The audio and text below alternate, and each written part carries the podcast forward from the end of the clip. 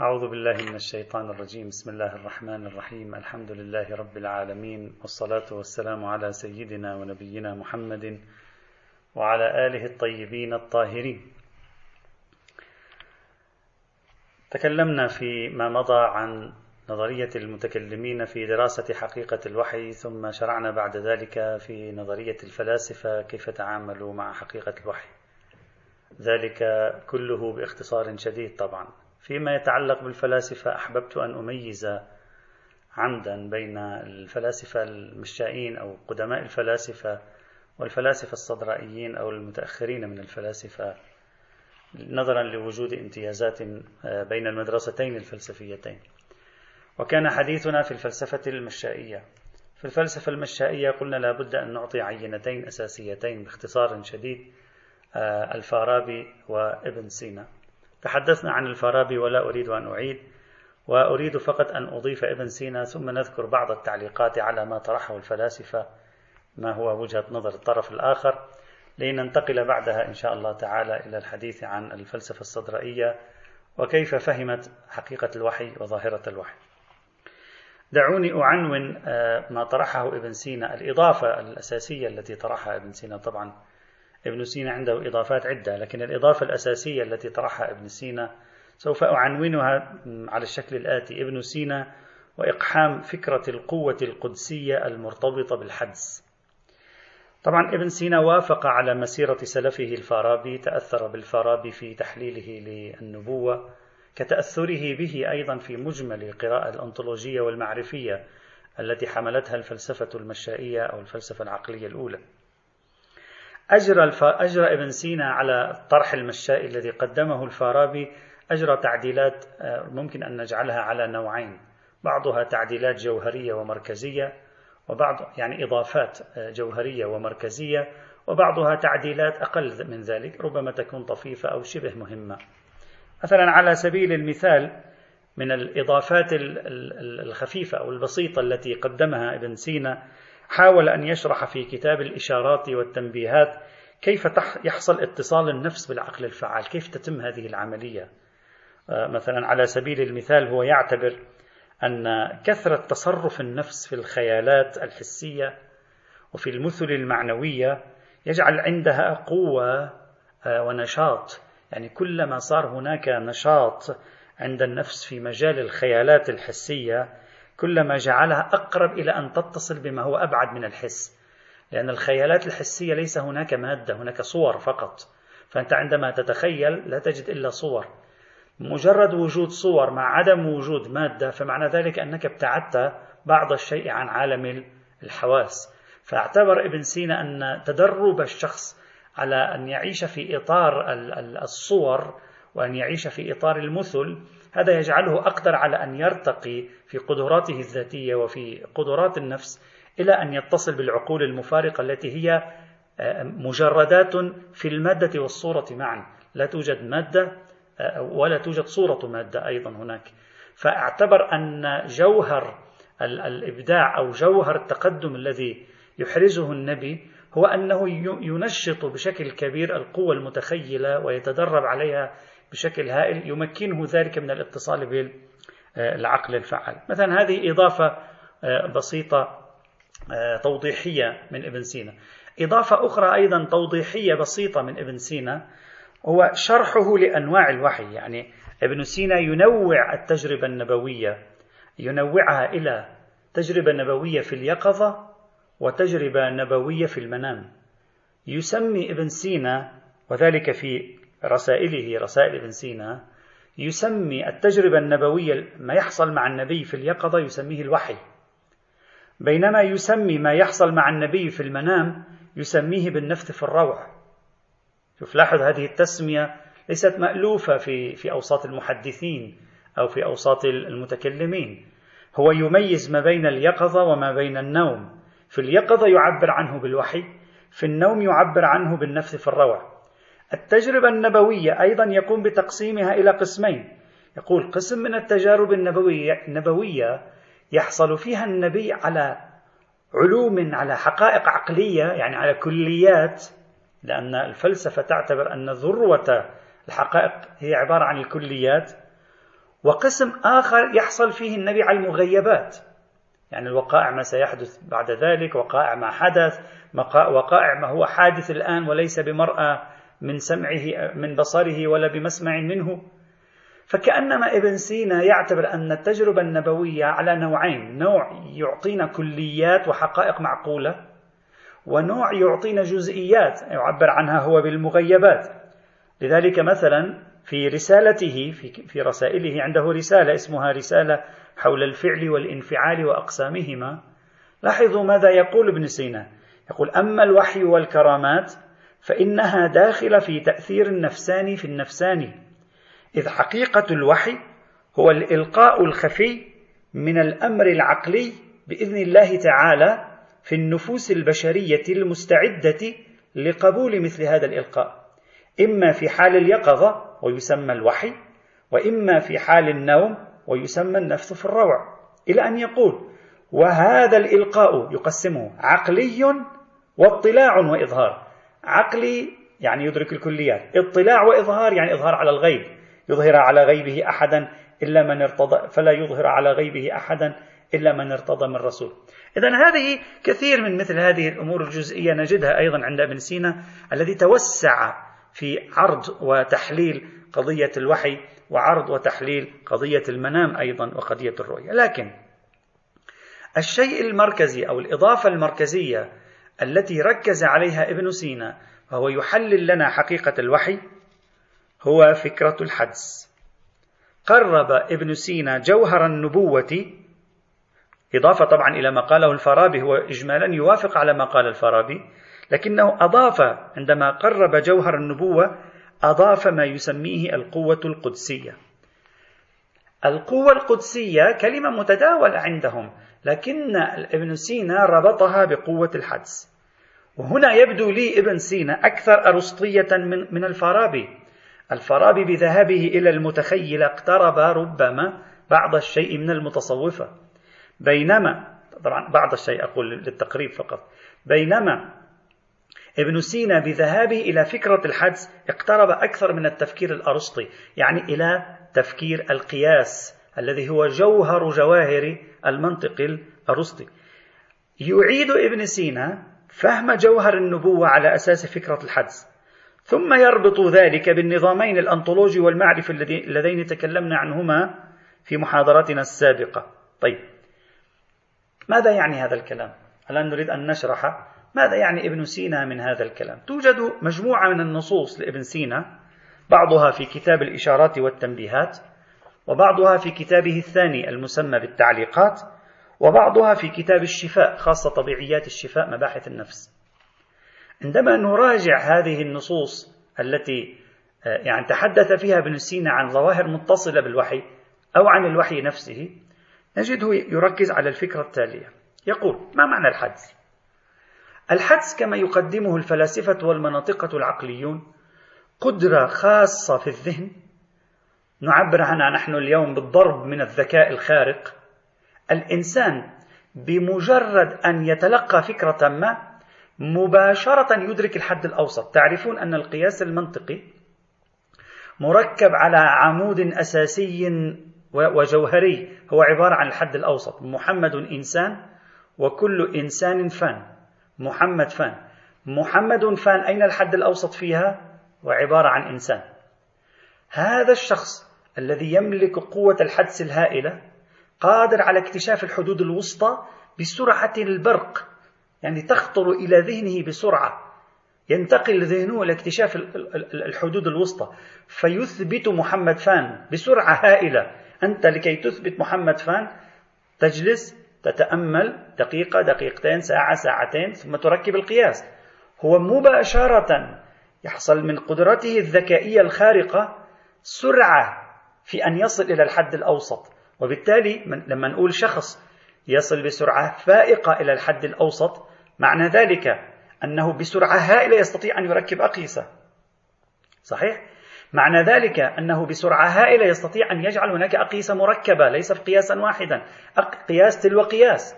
إذا يستطيع بسرعة هائلة أن يصل إلى معلومات جديدة. إذا هذه السرعة الهائلة تمكنه من أن يحصل على ألف معلومة خلال ثلاث ثوان. بينما أنا أريد أن أحصل على ألف معلومة هذه أحتاج إلى يوم أو أحتاج إلى يومين وربما إلى سنين. طبعا قوة الحدس من وجهة نظر ابن سينا تتفاوت بين البشر. يقول كل يعني البشر عندهم قوة الحدس لكنها متفاوتة. التفاوت بين بين البشر في قوة الحدس يشرحه ابن سينا يقول تارة يكون تفاوتا كميا وأخرى يكون تفاوتا كيفيا. أما التفاوت الكمي مثلا عندي زيد وعمر. زيد عنده حدس عمر عنده حدس. لكن زيد يحصل له خلال 24 ساعة يحصل له 50 حدس. بينما عمر يحصل له ثلاثة حدوث. إذا من حيث الكم حجم الحدوث عند زيد أكبر منه عند عمرو هذا من حيث الكم. فيتفاوت الناس بعض الناس حدوثهم كثيرة بعض الناس حدوثهم متوسطة بعض الناس حدوثهم أقل بعض الناس ما عندهم حدوث. ويعبر عنهم بالغبي. ابن سينا في بعض تعابيره. هذا من حيث الكم من حيث الكيف. يقول ابن سينا بعض الناس شدة الحدس عنده مختلفة. ممكن شخص يكون عنده حدس ينتقل لكن يحتاج مثلا إلى خمس ثوان. سأنا أعطي مثال من عندي. شخص آخر عشر ثوان. شخص ثالث عشرين ثانية. شخص رابع في نصف ثانية تكون العملية قد تمت عنده. إذا كيفية الحدس حجم الطاقة الهائلة الموجودة في الحدس. أضيفوها إلى كمية الحدس. إذا نحن حصلنا على إنسان استثنائي. إذا كانت الكمية الحدسية الحدوث كثيرة والكيفية عالية إذا نحن أمام إنسان استثنائي في هذه الحال. لسنا أمام إنسان طبيعي آه، في هذا المضمار. إذا الحدس ما معناه؟ فطنة خاصة نباهة خاصة سرعة بديهة خاصة. تنقلات ذهنية خاصة من هنا يميز ابن سينا بين التعلم والحدس بين المتعلم والحادث. يقول المتعلم يمشي بالتدريج. مثل مثل حكايتنا مثل حكايتي أنا. أدرس وأتعلم سنة بعد سنة في الحوزة في الجامعة حتى يستطيع ذهني يتمرن ب... إلى أن يحدث عنده انتقالات ذهنية يبدأ يركب أقيسة. لكن هذا التعلم أما الحدس هو شخص ما في حاجة أن تعلمه كثيرا. طبعا حسب قوتها. بحسب حجم قوة الحدس عنده هو أقل حاجة للتعليم. انتبهوا جيدا إلى هذه إلى هذا المفترق المهم. كلما هو حدسه قوي هو بحاجة أقل للتعليم. فهو يمر في التعليم بشكل مختصر جدا. لذلك تجد بعض الناس يمكن يدرس حتى بعض العلماء عبر التاريخ يقولون درس سنة سنتين فقط. وهو مجتهد علامة. وآخرون 30 40 سنة مجتهد بدون علامة مثلا. فشوف هذا هو الفارق بين الناس. إذا هناك فرق بين المتعلم وبين الحادث. المتعلم هو في حركة تدريجية طبيعية الحادث في حركة قفزية في سرعة برقية في انتقالات سريعة تختصر الزمن. فالقوة الحدس تعطيه أشبه ما يكون شيء بالموهبة. يعني كأنما هو جبل على أن يكون سريع الانتقال والعبور في مراحل المعرفة. سريع الانتقال والعبور في مراحل الذهن.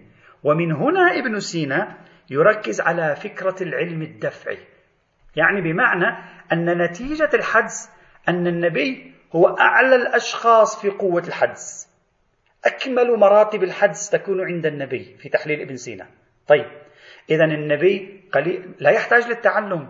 لذلك الأنبياء لا يتعلمون. لأن قوة الحدس عندهم عالية. طيب إذا كانت قوة الحدس عنده عالية في أعلى مراتبها من حيث الكم؟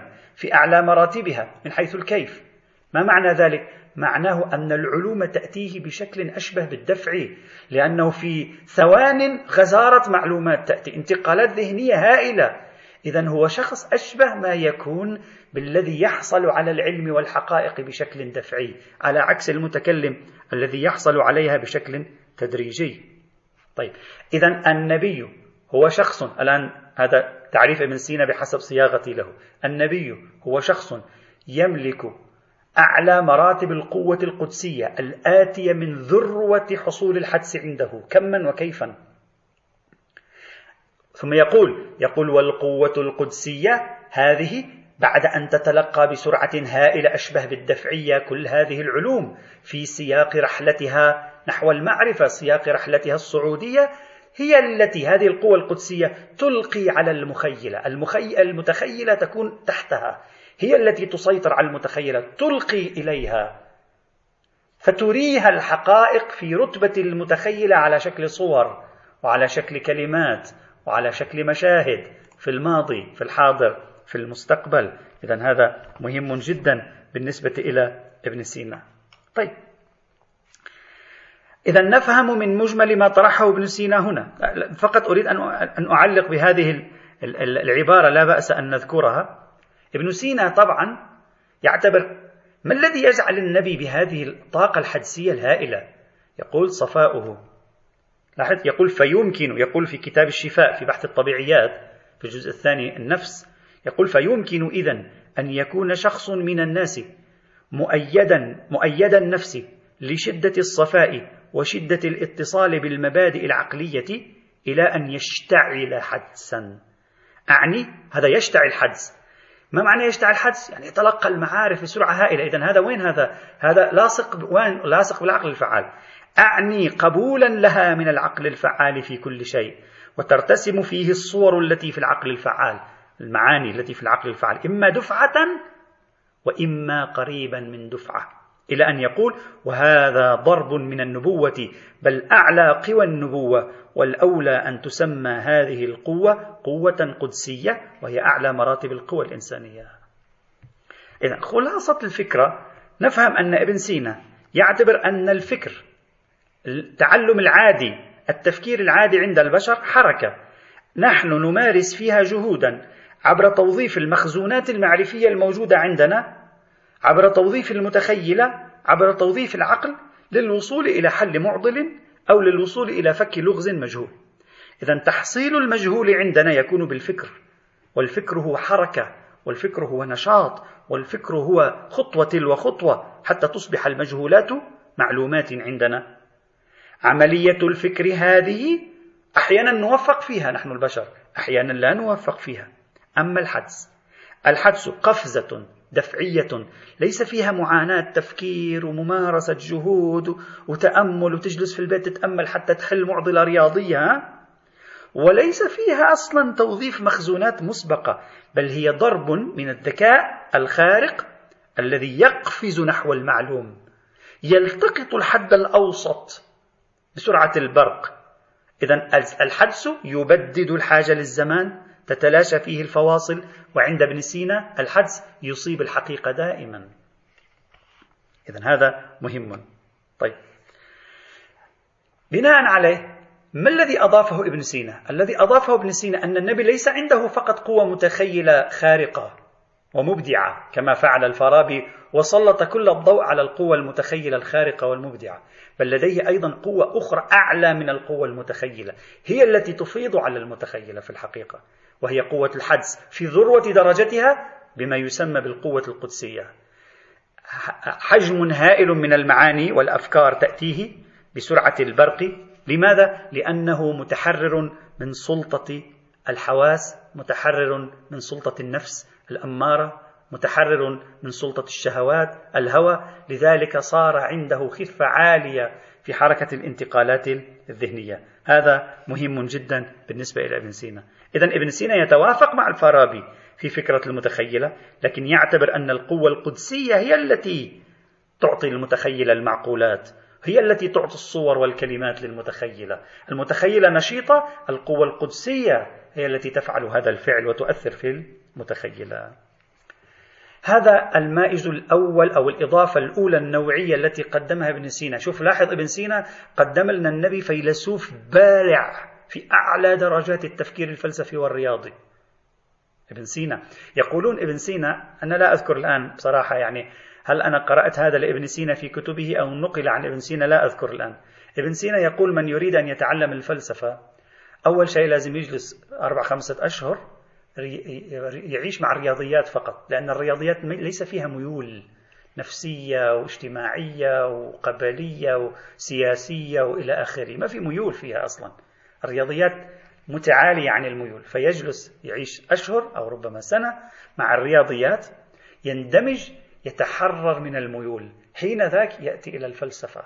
حينئذ سيفكر بطريقة تجريدية. إذا تحرر من الميول سيصبح قوة الذهن عنده أنشط. هذه نفس فكرة الحدث التي يطرحها. ستصبح قوة الذهن عنده أنشط. إذا أول إضافة طرحها جعل الأنبياء قوى فكرية استثنائية. كالفلاسفة تماما لكن أعلى درجة. نفس المسير إذا تذكرون قلنا هذا الكلام سابقا. نفس المسير لكنهم يتقدمون عليهم ليس بقوة المتخيلة بل بقوة الحدس كأني كأني بابن سينا شعر أن جعل التميز بقوة المتخيلة فقط يوحي وكأن الأنبياء مجرد صانعي مسرح. قد يجعل في التفكير الأرسطي في العقل الأرسطي موقع الفلاسفة أكبر منهم لأن الفيلسوف يتصل بالكليات والحقائق المعقولة والمفروض أن الاتصال بالكليات والحقائق المعقولة هو الأهم فلسفيا الفلسفة تقدس الكليات. جزئيات هذه شغل الناس الآخرين. فأراد ابن سينا أن يضيء أكثر على الجانب المعقولي من النبي على الجانب الكلي من الإدراكات النبوية فأضاء أكثر على الحدس محافظا على طاقة المتخيل لأن طاقة المتخيل هي التي تفسر لنا الصور والمشاهد الموجودة في الكتب المقدسة من كلمات من قديم من جديد من مستقبل إلى آخره. فابن سينا بهالإضافة أراد أن يحمي ربما ربما أراد أن يحمي الجوهر النبوة من أن يكون في موقع أضعف من موقع. يعني بالمنظور الفيلسوف الفيلسوف يسخر عادة من التفننات الفن والشعر إلى آخره لأن هذا كل أنشطة القوى المتخيلة فأراد أن يحافظ حتى لا يساء الفهم فركز على قوة الحدس النقطة الأخرى الإضافية المهمة التي وضعها ابن سينا هي لاحظنا سابقا أن الفارابي ربط نشاط النبي بالعقل المستفاد. قال العقل المستفاد هو الذي يتصل بالعقل الفعال.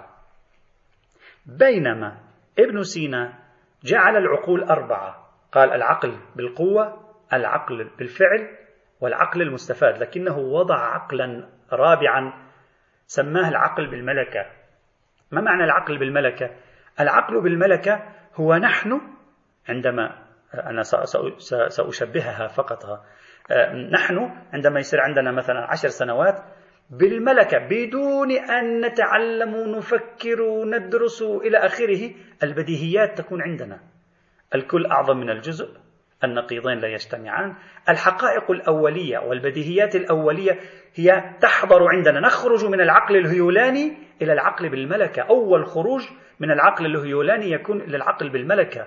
يعني تحصل لدينا البديهيات الأولى. بعد أن تأتي إلينا من دون تعلم نبدأ بعملية التفكير فنحصل على العقل بالفعل ثم العقل المستفاد. هذا تقسيم ابن سينا. طيب الفارابي ربط النبوة بالاتصال بين العقل المستفاد وبين العقل الفعال. بينما ابن سينا ربط النبوة بالاتصال بين العقل بالملكة والعقل الفعال. لماذا؟ هذا هذا مهم جدا. لأن ابن سينا يريد أن يجعل العقل الذي يرتبط بالعقل الفعال عقل حدسي. يعني الأشياء حاضرة عنده. يريد أن يركز على مفهوم حاضر عنده. تأتي عنده دفعة واحدة بكل يسر لا يبذل جهدا. في العقل المستفاد الفارابي يقول يجهد النبي وهو يصعد في مراتب العقل المستفاد. يجهد تجربة طويلة وهو يصعد. إلى أن يصل إلى العقل الفعال وهناك أيضا أعلى فأعلى فأعلى داخل العقل الفعال. ابن سينا يريد أن يخفف هذا المشهد يريد أن يصور أن النبي ليس بهذه الطريقة النبي أسرع من ذلك. اجعلوه أكبر من فيلسوف. هذا الفيلسوف اللي هو خابص روحه حتى يوصل للعقل الفعال مسكين. أما النبي لا بسبب قوة الحدس عنده عقله الملكي يعني ذلك العقل الذي تكون فيه الأشياء شبه حاضرة هو الذي يتصل بالعقل الفعال. وهذا معنى أن الاتصال يكون أسرع وأكثر دفعية أسرع وأكثر دفعية لأن الأشياء حاضرة لا بجهد عند النبي كما قلنا قبل قليل. إذا عندنا نقطتين إضافيتين جوهريتين في تقديري لما طرحه ابن سينا. النقطة الأولى تأكيد ابن سينا إضافة إلى المتخيلة على القوة القدسية المرتبطة بالحدس التي تجعل النبي قادر على تركيب آلاف من الأقيسة في لحظات زمنية بسيطة وهذا ما يعطيه قدرة التفوق الهائلة. وتلك القوة القدسية تترك أثرا على المتخيلة. اثنين أيضا بشيء ليس بعيدا عن النقطة الأولى ابن سينا يجعل الارتباط بين العقل بالملكة وبين العقل الفعال. في حين الفارابي أكثر ما ركز على العقل المستفاد. وكأني بابن سينا يريد أن يخفف من الجهد على النبي. يريد أن يجعل هذه المقدمات كلها كأنما أتته نوع من الموهبة. صحيح النبوة ليست موهبة هي جهده. لكن مقدماتها تكون بمثابة أمر ميسر له. إذا أردت أن أشرح الفكرة وأحللها بطريقة مبسطة. إذا هذه نقطة مهمة. طبعا ابن سينا على ما جاء في إلهيات الشفاء يؤكد على أن النبي يسمع ويرى الملائكة ويتشبحون له تعبيره يعني يصبحون كالشبح له فإذا هو لا ينكر لكن يقول آه، يعني هذه الأشياء ينبغي أن نفهمها في سياق القوة المتخيلة. هذا أكتفي بهذا القدر فيما يتعلق بإضافات آه، ابن سينا على ما طرحه الفارابي طبعا 99% أو 95% مما طرحه الفارابي يوافق على ابن سينا ويضيف هذه الأشياء. دعوني قبل أن أنتقل إلى المناقشات. أو إلى بعض المداخلات التي يعني عادة تطرح مع الفلاسفة المشائين هنا أن أجري مقارنة عابرة حتى تتضح لكم الصورة بين الفارابي وبين ابن سينا في مقام إجراء هذه المقارنة أحب أن أذكر ثلاث نقاط أساسية. يعني إذا سألتك في الامتحان إذا سألتك في الامتحان أعطني قارن بين تصورات الفارابي عناصر الامتياز في تصورات الفارابي وابن سينا عن بعضهما في قضية حقيقة النبوة تعطيني هذا الجواب. مثلا أولا النبوة والوحي نتائج مسيرة نبوية طويلة. لذلك الفيلسوف ابن سينا وكذلك أيضا الفارابي يعتبرون النبوة ناتج عن عملية كسبية بعكس تصورات المتكلم كما قلنا. لكن يوجد فارق بين ابن سينا والفارابي. ابن سينا بربطه الموضوع بقوة الحدس كأنه يريد أن يختصر الطريق. ويعتبر أن النبي لا يطوي المسارات العقلانية والمعرفية كسائر البشر حتى وبعد ذلك يتجاوزهم ويتحد بالعقل الفعال. بل بسبب القوة الحدسية الهائلة الموجودة عنده تحصل لديه هذه الأمور أشبه بقفزة تحقق له الغرض. وهذا يعني أن نقطة تمايز الفيلسوف عن النبي عند الفارابي ترتبط بالقوة المتخيلة للنبي أكثر. بينما نقطة تمايز الفيلسوف عن النبي عند ابن سينا ترتبط أكثر بقوة الحدس أو بما يعبر عنه بالقوة الحسية القدسية بوصفها أعلى مراتب الحدس.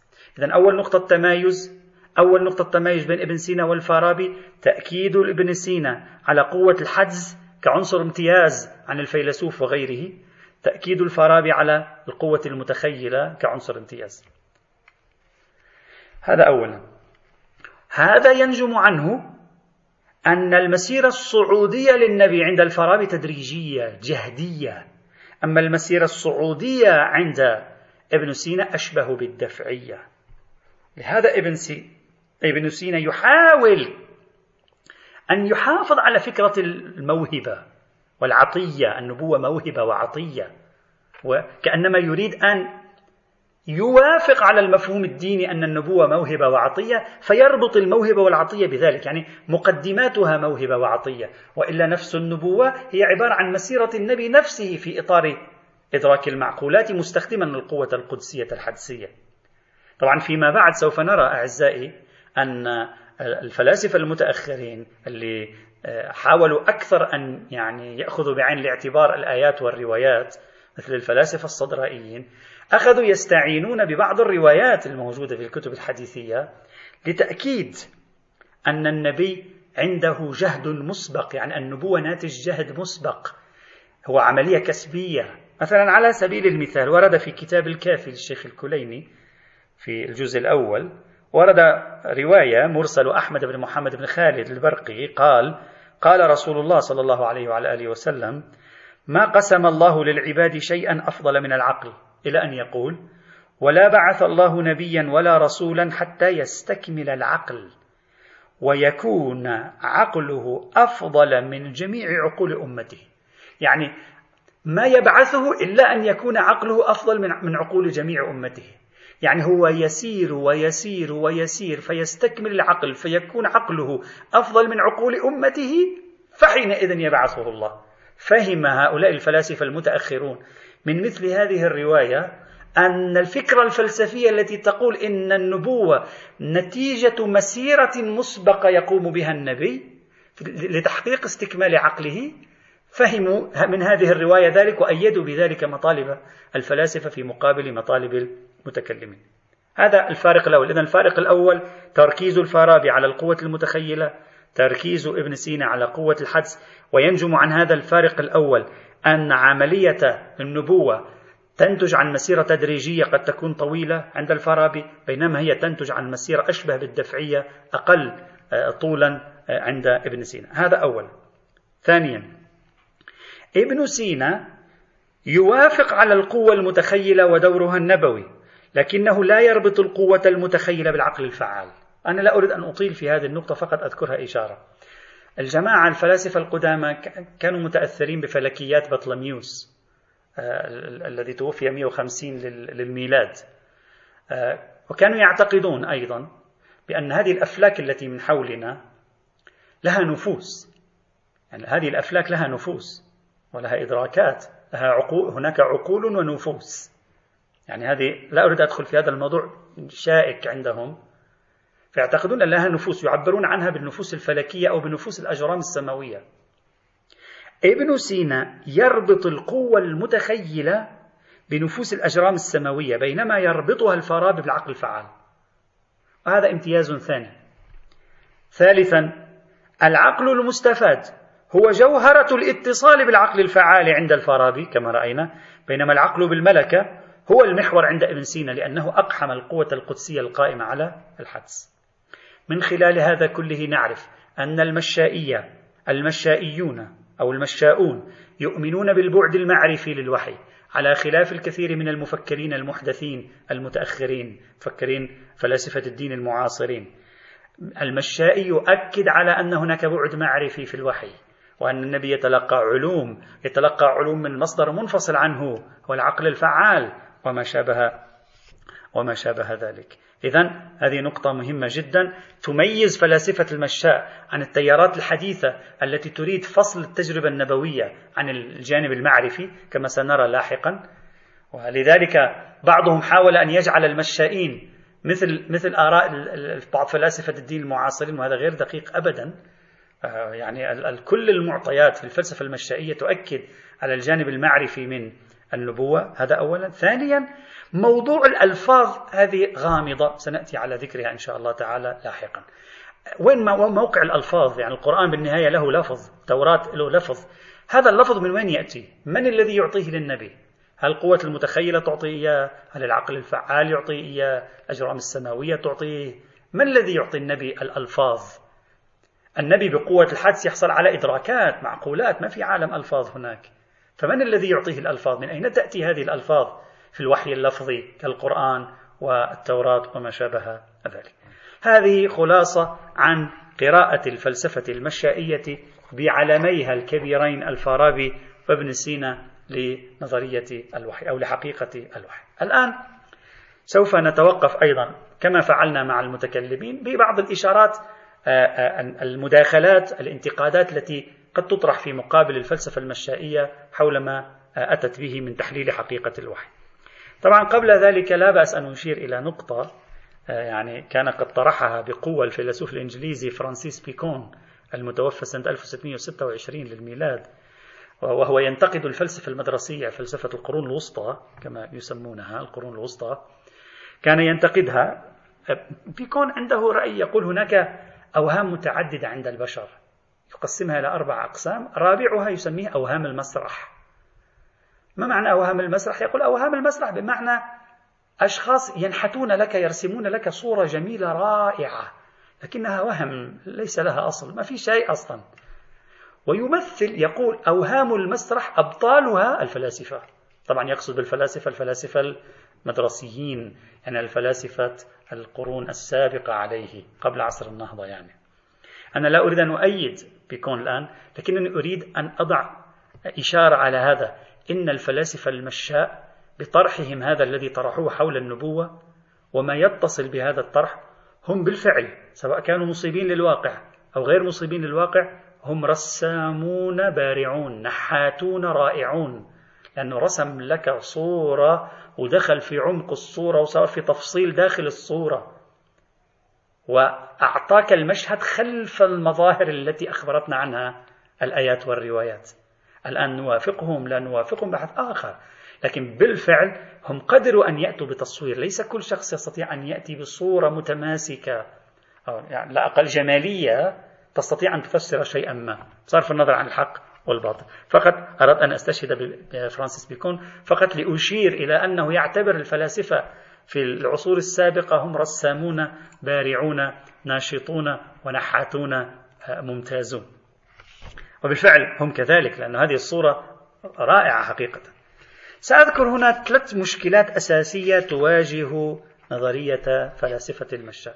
المشكلة الأولى أزمة التوافق مع النص الديني أول المشكلات التي انتقدها يعني التي طرحها نقاد الفلسفة المشائية هنا قالوا أن هذه الصورة الفلسفية للوحي التي قدمها لنا المشاؤون لا عين لها ولا أثر ولا حتى ما يقرب منها ولا حتى رائحة خفيفة منها في النصوص الدينية لا في الكتاب ولا في السنة ولا في أي دين من الأديان. رؤية الملك وصوت صلصلة الجرس وظهور الملك في صورة فلان وسماع أصوات ومظاهر مادية للوحي. لا نفهم شيئا هنا.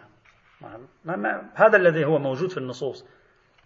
بل يعتبر المفسر شيخ ناصر مكارم الشيرازي في تفسيره الأمثل لكن في النسخة الفارسية تفسير نمونة.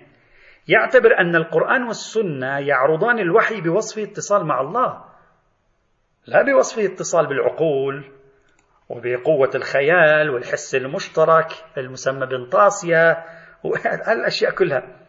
بل يعتبر الشيرازي ناصر مكارم أن هذه النظرية برأيه نظرية المشائين تفضي هو هكذا يرى إلى اعتبار الأنبياء كالفلاسفة نوابغ وعمالقة بشريين. ومن ثم هو يرى أن هذه النظريات التي جاءت لتفسر الوحي وربما لتدافع عن الوحي يخشى أن تكون قد قوضت بنيان الوحي. هذا تصور الشيخ ناصر مكارم طبعا هو ليس وحيدا في هذا هو تصور جمهور المتكلمين والمفسرين والمحدثين الذين لا يوافقون الفلسفة المشائية. إذا حصيلة هذه الإشكالية ما في توافق مع النص الديني. النص الديني يعرض لنا المشهد بطريقة أنتم عرضتوا لنا المشهد بطريقة يا أخي ما سمعنا بها لا في كتاب ولا في سنة. من وين جبت هذه؟ طبعا هذه الإشكالية في تقديري يمكن للفيلسوف أن يدافع عن نفسه نحاول أن نفكر معه وعليه. مرة نفكر معه ومرة نفكر عليه. كي ننشط آه، يعني تفكيرنا. قلنا سابقا الفيلسوف دائما هو يؤكد على أن المشاهد التصويرية التي تقدمها لنا النصوص الدينية ليست إلا لتقريب الصورة للأذهان العامية البسيطة. طبيعي أن لا تكون الصورة الحقيقية كذلك. لا ينبغي أن تجعلوا ما هو في ظاهر النصوص معيارا لمقاربة فلسفية معمقة كهذه المقاربة المشائية. إذا بالعكس يجب أن يكون المشهد. وهذا شرحناه سابقا.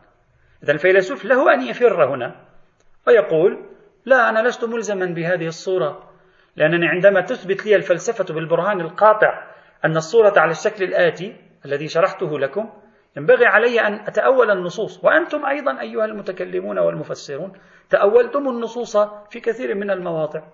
يعني ليش لما تصل القضية إلنا يصبح نحن يعني آه، آه، في في مشكلة؟ أنتم تؤولون النصوص نحن أيضا نؤول النصوص؟ طيب. بل أكثر من ذلك بإمكان الفيلسوف أن يقول أكثر من ذلك. يقول لك الفارابي فسر هذه الظواهر. يعني لماذا تصورون أن القراءة المشائية عجزت عن تصوير ما هو مرتبط بما عرضته النصوص الدينية؟ الفارابي فسرها وقال قلنا في في في في في المحاضرة السابقة قلنا هو فسرها وقال بأنها عبارة عن ظهور الصورة بفعل القوة المتخيلة ظهورها للعين الباصرة والحواس تتلقاها. إذا الفارابي حاول عبر نظرية القوة المتخيلة أن يفسر المشهد التصويري الذي عرضته النصوص. وربما تكون محاولة ابن سينا ربط الموضوع بقوة الحدس أبعد عن التصوير المشهدي هذا. يعني الفارابي أكثر نجاحا هنا في الاقتراب من النصوص الدينية من ابن سينا في قوة الحدس رغم أن ابن سينا أيضا يوافق على المتخيلة طبعا كما قلنا.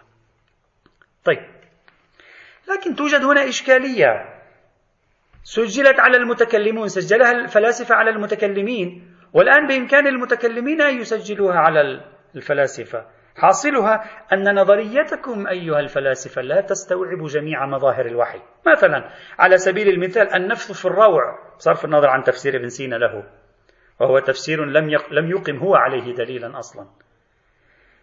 النفث في الروع مفهوم لا يبدو أن فكرة المتخيلة لديها قدرة على تفسيره ما معنى النفث في الروع وفقا للمتخيلة؟ شيء ما يلقى في روعه. هذه كيف تفسره بالقوة المتخيلة؟ ما هو تفسير النفث في الروع؟ وما الفرق بينه؟ هل, هل النفث في الروع يمكن أن تستجيب له القوة المتخيلة أو لا؟ تفسير لا يرتبط إطلاقا بالمشهديات السمعية والبصرية والتصويرية مثلا في هذا الإطار. أيضا أكثر من ذلك لقاء النبي إبراهيم بالملائكة وقدم لهم الطعام وخافوا منه. كيف يمكن أن تكون المتخيلة هي التي صنعت هذه الصور؟ بوعي صنعت هذه الصور والنبي خاف من هذه الصور. يعني كيف هذا؟ كيف تفسروه لنا؟ بل إن بعض الروايات الحديثية تعتبر أن جبرائيل هو أشرف الملائكة. طيب إذا فهمنا الملائكة أنها العقول العشرة كيف يمكن أن يكون جبريل هو العقل العاشر؟ ينبغي أن يكون جبريل هو العقل الأول. مثل هذه المداخلات النقدية التي قد تسجل في كلمات مفسر هنا أو باحث متكلم قديم أو معاصر هناك الهدف منها الوصول إلى نقطة.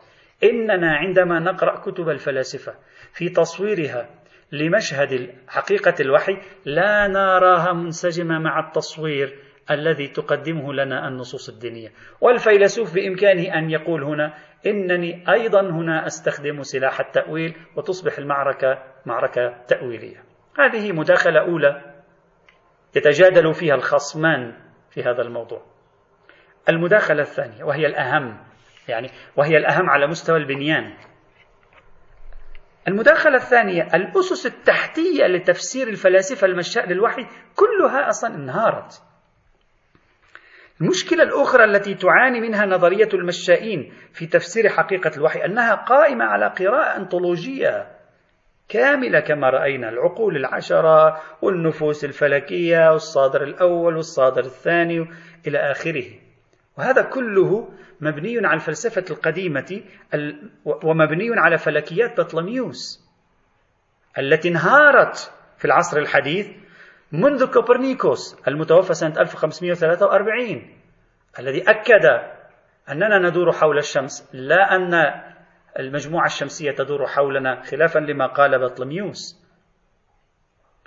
إذا كل المنظومة الأنطولوجية لفكرة العقول الأول والثاني وصولا للعاشر والعاشر هو الذي يتولد إدارة عالم ما تحت القمر. كل هذه الصورة هي عبارة عن صورة باتت اليوم مترهلة انتهى عصرها. حتى الفلاسفة المتأخرون هاجروا هذه الصورة بهذه الطريقة لأنها انتهت بعد.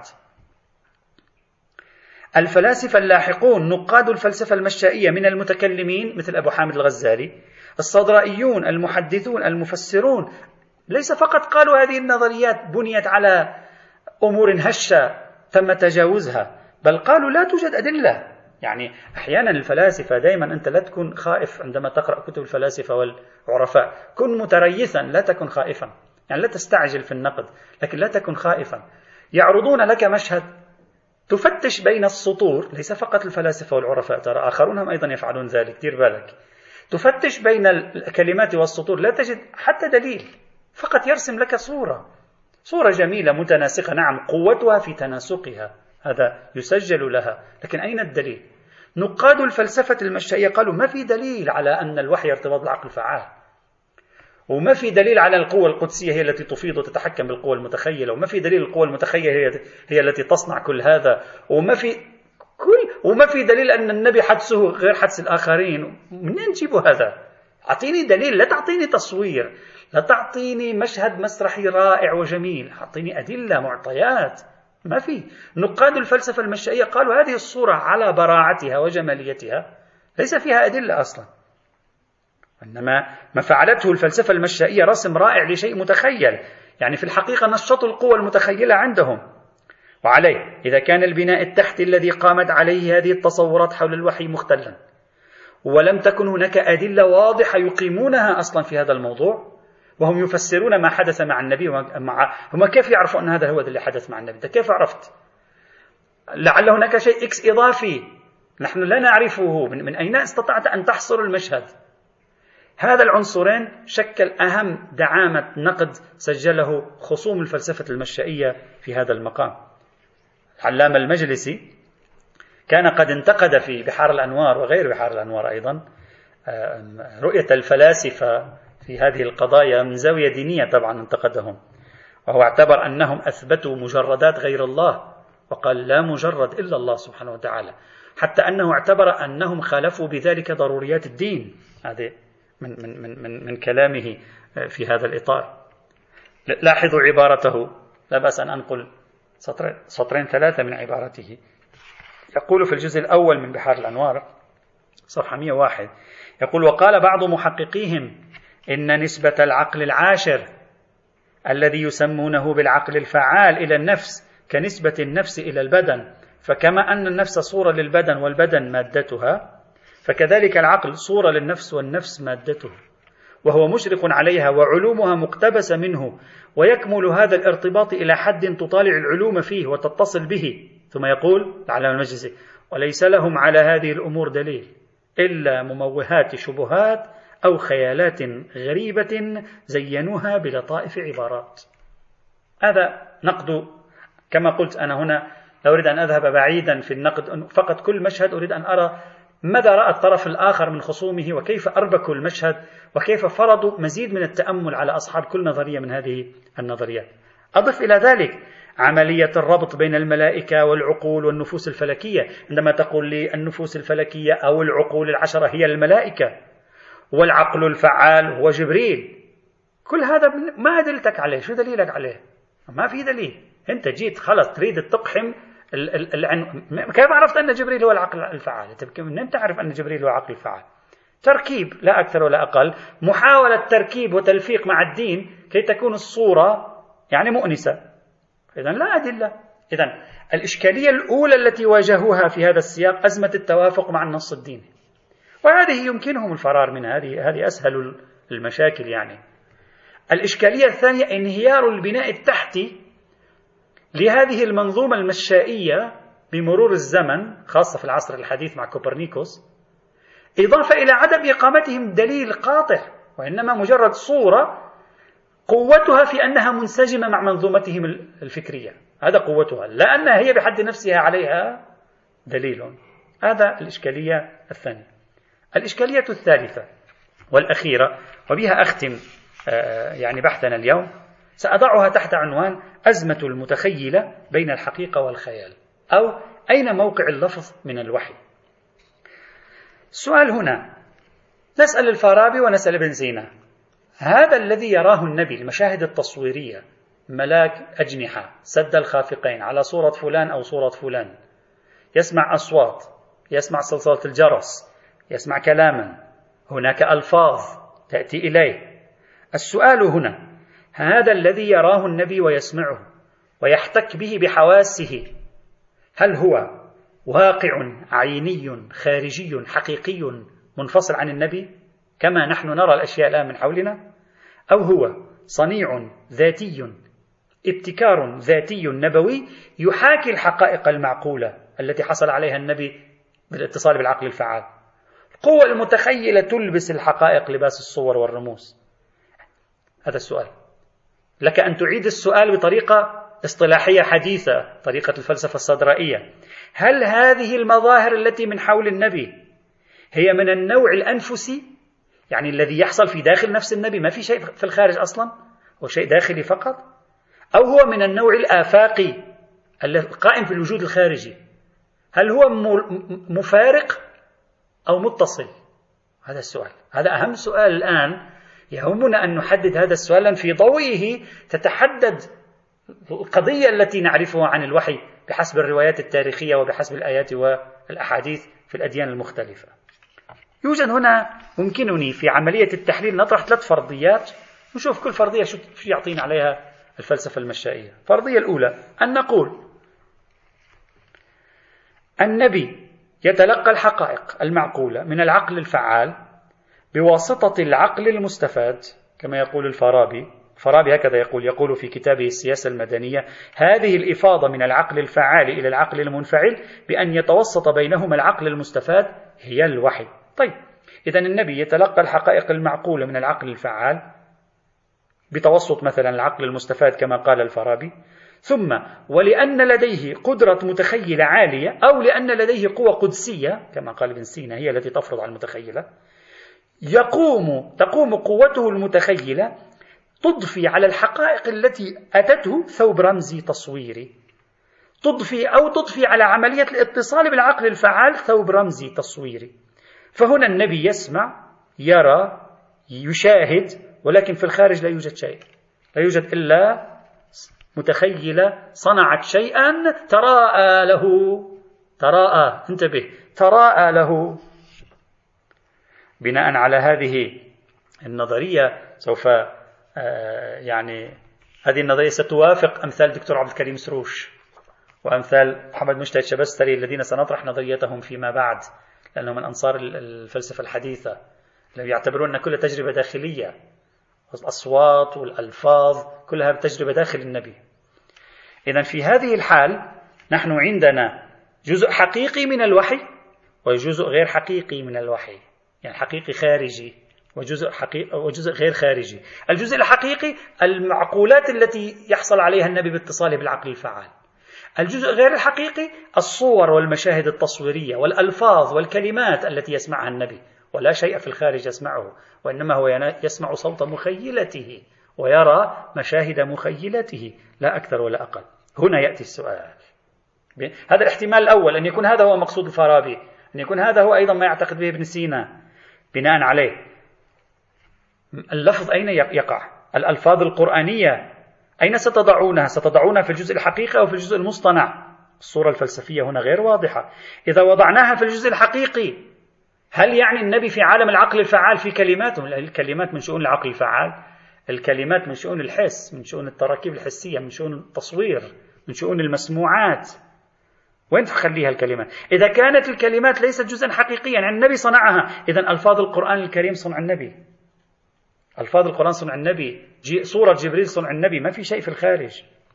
وبهذا تكون النظرية المشائية منتجة بكل بساطة لفكرة بشرية الألفاظ القرآنية. بل ليس فقط بشرية الألفاظ بشرية كل ما أخبرتنا عنه النصوص الدينية حول الوحي. ما في شيء أصلا في الخارج. لا ملاك في الخارج ولا من يحزنون لا أصوات ولا من يسمعون. كل هذه الأشياء حدثت في داخل النبي. وهذه مشكلة حقيقية حينئذ. كيف سيجيب عنها المشائي؟ وهو يقول أنا متوافق مثلا مع مع الدين أنا متوافق مع المعطيات الدينية. هذا بالفعل اتهمت الفلسفة المشائية بذلك أعزائي. اتهمت الفلسفة المشائية بأنها نسفت واقعية الوحي. يعني واقعية الصورة التي قدمتها الأديان عن الوحي اعتبرتها صورة خيالية. لا يوجد شيء يتلقى كل كله في داخل النبي.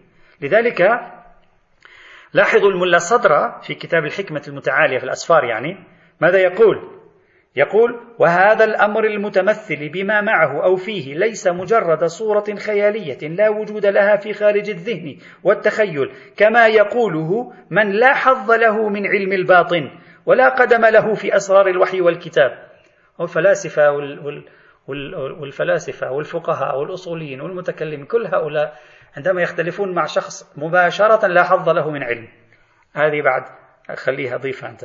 يقول كما يقوله من لا حظ له من علم الباطن ولا قدم له في أسرار الوحي والكتاب كبعض أتباع المشائين. إذا الملا صدر ينسب لبعض أتباع المشائين دون أن يسميهم أنهم يعتبرون المشهد المحيط بالنبي خيال في خيال. لعل هذا هو الذي جعل مفسرا مثل الشيخ ناصر مكارم شيرازي يعتبر أن تفسير الوحي بالطريقة التي عرضها الفلاسفة قد يقوض البنيان الأساسي للوحي وبالتالي لن يكون هناك آه، يعني كل هذا سيكون خيال في خيال سيفتح باب الخيال حينئذ على مصراعيه. كبعض أتباع المشائين يكمل ملا صدر ويقول معاذ الله عن هذه العقيدة الناشية عن الجهل بكيفية الإنزال والتنزيل. طبعا ممكن واحد يقول لك إيه يا أخي أنا أنا أعتقد بأنها عبارة عن ألفاظ وهمية. يعني شو لك علاقة معي؟ أنا أعتقد بذلك لا توافقني لكن أنا أعتقد بذلك. لكن طبعا هم سيقولون له هذه نظرية تناقض صريح القرآن الكريم تناقض القرآن الذي يتكلم أن ما أوحي إلى النبي كلمات وألفاظ. لأنه كتاب عربي مثلا بعضهم يستدل لأنه مثلا اقرأ وقراءة وما شابه ذلك وتلاوة كل هذا ورد في القرآن مثلا بحث في محله. إذا الفرضية الأولى أن نتصور النبي الوحي جزء منه حقيقي يتصل بالعقل الفعال جزء منه خيالي هو كل تلك الصورة المشهدية التي قدمتها لنا النصوص. الأزمة الآن أين ستكون؟ الأزمة الآن أن ألفاظ القرآن وألفاظ التوراة وأمثالها سوف تكون من صنع النبي. وليست خارج إطار صنع النبي. وهذا سيفتح باب عظيم إذا كانت من صنع النبي. لسنا بصدده الآن لأنه سي... قد يخلق عند كثيرين مشاكل صرف النظر عن الردود والمناقشات. هذه الفرضية الأولى. الفرضية الثانية أن نقول النبي يتلقى نقول النبي يتلقى المعقولات والحقائق من العقل الفعال. القوة المتخيلة تقوم بفعلها. لأنها قوية تجعل عين النبي ترى شيئا. يعني عين النبي فعلا ترى شيئا في الخارج. لقوة المتخيلة عين النبي ترى شيئا في الخارج. لأن هذه أشياء في داخل النبي لا هي في خارج النبي. لكن حتى هذه الفرضية هذه تظهر من الفارابي كما رأينا سابقا هو عبر بهذا. قال بأن القوة المتخيلة لشدتها تفرض على القوة الباصرة أن ترى شيئا. فالقوة الباصرة حقيقة ترى شيئا. ثم ترسل ما رأته مجددا إلى الحس المشترك. إلى مركز الحواس. لكن هنا أيضا يعود نفس السؤال. هل ما ما رأته الباصرة بفعل سلطة القوة المتخيلة عليها هل هو واقع حقيقي أو ليس بواقع حقيقي؟ إذا كان واقعي حقيقي اشرحوا لنا. إذا ما كان واقعي حقيقي إذا رجعنا إلى قصة التخيل وبالتالي كل هذه الصورة المشهدية تصبح خيال في خيال لا أكثر ولا أقل. خيال يحاكي خيال رمزي ما عندي مشكلة لكن على أي حال لا يوجد شيء في الخارج. هذه الفرضية الثانية. الفرضية الثالثة والأخيرة ونختم بها أن ندعي أن المتخيل مباشرة تتصل بالعقل الفعال هو يخلق لها صورا. هذه الصور هل هي مادية أو ليست مادية؟ بحث آخر. طيب هنا في مشكلة أساسية أعزائي. سابقا قلنا إن المشائين لا يؤمنون بوجود عالم ثالث اسمه عالم المثال عالم صور. يقولون العوالم العالم إما مجرد تماما حتى صور ما فيه وإما مادة تماما عالم وسط ما فيه على خلاف الإشراقيين والصدرائيين والعرفاء كما سيأتي. طيب الآن نسأل هذا الذي خلقه العقل الفعال أمام النبي هل هو أمر مادي أو ليس بأمر مادي؟ إذا لم يكن أمرا ماديا كيف رأته الحواس؟ والمفروض أن المشائين لا يؤمنون بعالم المثال. وإذا كان أمرا ماديا قد تعرف ما معنى ذلك؟ معنى ذلك أن النبي يتصل بالوحي بطريقتين. يتصل بالوحي عبر العقل الفعال ومرة ثانية يتصل بالوحي عبر شيء يخلقه العقل الفعال أمامه ويحكي معه. وهذه ظاهرة غريبة. يعني صار في وحيان على النبي. مرة بيتكلم معه شيء في الخارج ومرة هو الوحي يكون عبر الاتصال بالعقل الفعال. لم نفهم. ثم ما معنى أن يظهر شيء مادي أمامه؟ هل أن العقل الفعال يخلق جسما أمام النبي يكلمه؟ هذه كلها أسئلة تطرح في هذا العالم وفي هذا السياق. إذا ثلاث إشكاليات عادة ما تتداول في سياق النقاش مع المشائين. أزمة التوافق مع النص الديني. ثانيا انهيار البناء التحتي الذي أقام المشاؤون عليه نظرياتهم. فضلا عن عدم وجود أدلة قاطعة على تفاصيل هذه النظرية التي طرحوها. ثالثا ليس واضحا مقدار واقعية الشيء الذي يراه النبي أو يسمعه. وبالتالي ليس واضحا ألفاظ القرآن هل هي من النبي أم هي من الله. الصورة التي تعكسها لنا الفلسفة المشائية عليها أن تذهب إلى أن هذه كلها خيال في خيال ولا يوجد شيء. طيب إذا كان مجرد رموز كيف هي علاقة الرموز بمرموزاتها؟ لم يشرح لنا الفلسفة المشائية شيئا عن ذلك. كيف هي هذه هذا أمر غامض. أكتفي بهذا القدر من العرض المختصر لنظرية المشائين وهي النظرية الثانية في سياق عرضنا لنظريات الفكر الديني عموما. في تحليل حقيقة الوحي استعرضنا نظرية المتكلمين استعرضنا نظرية الفلاسفة المشائين. سنستعرض القسم الثاني من الفلاسفة في الأسبوع القادم وهم الفلاسفة الصدرائيون وبعدها أيضا العرفاء. ثم نبدأ شيئا فشيئا بالحديث عن العصر الحديث إن شاء الله تعالى. والحمد لله رب العالمين.